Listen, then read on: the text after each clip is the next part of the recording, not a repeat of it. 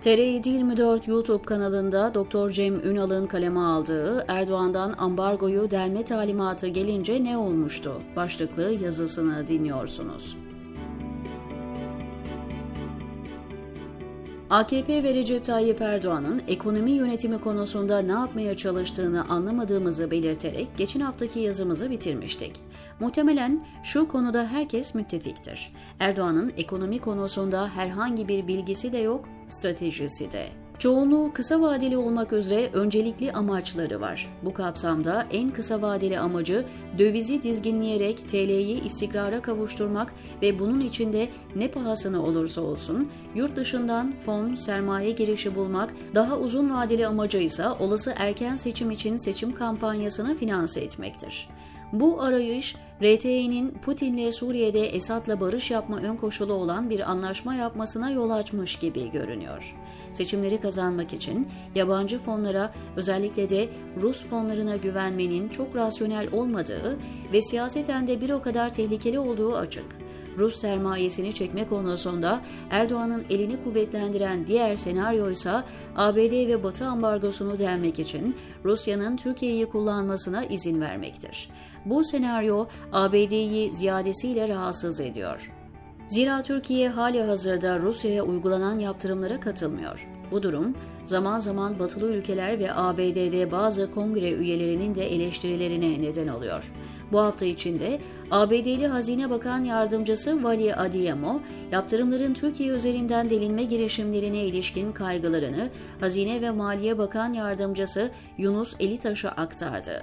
Ve bu görüşmede ne ilginçtir Türk ekonomisi ve bankacılık sektörüne dair konular da gündeme gelmiş ve Adiyemo, ABD'nin Türk ekonomisinin başarısı konusundaki ilgisi ve ABD Hazine Bakanlığı'nın bankacılık sektörünün bütünlüğünün korunması için Türk hükümetiyle işbirliğine olan bağlılığını dile getirmiş.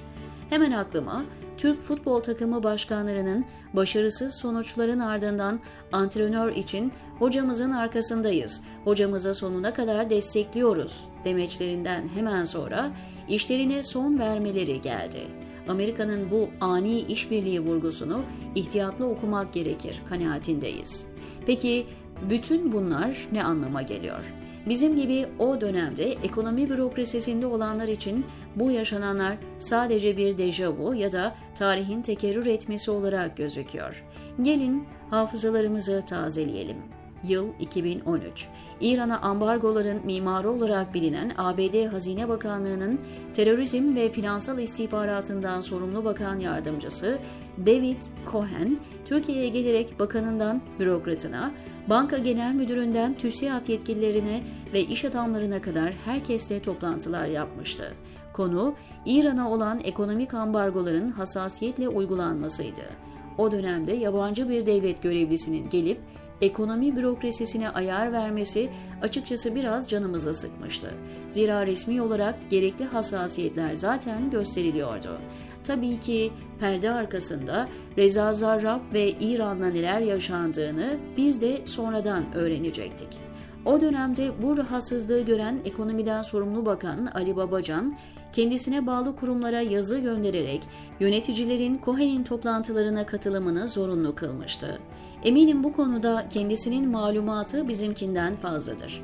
Bizim de katıldığımız bu toplantılarda ABD çok açık bir şekilde İran'a olan ambargolara uyulması gerektiğini ve uyulmazsa uluslararası arenada doğabilecek sonuçlara katlanılacağını sert bir üslupla anlattı.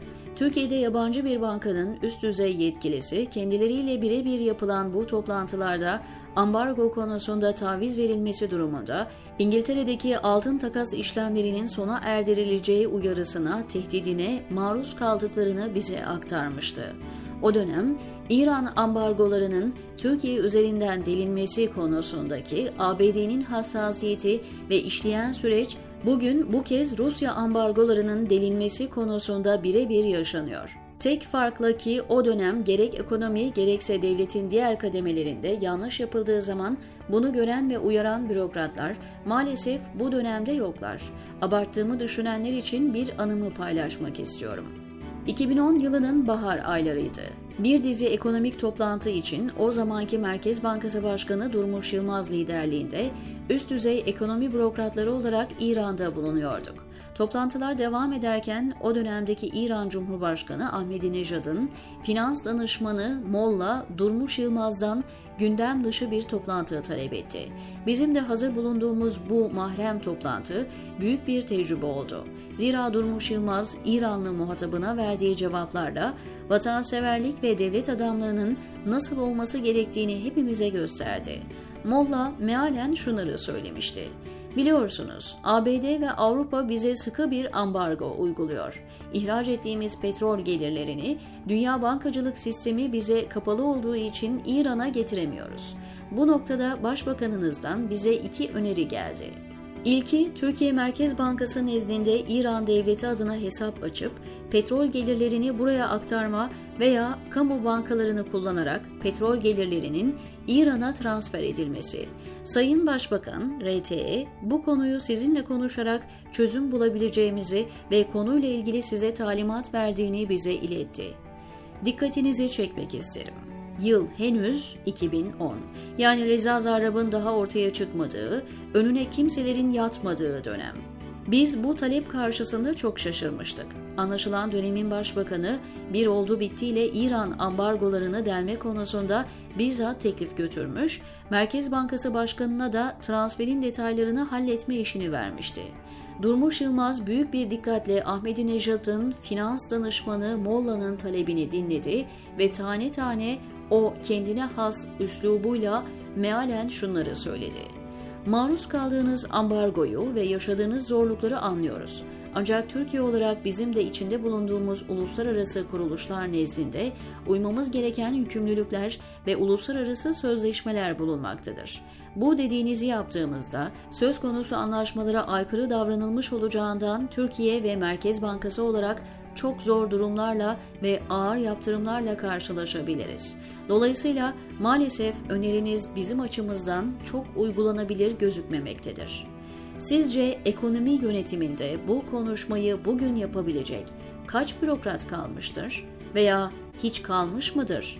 diyor Cem Ünal TR724'teki köşesinde.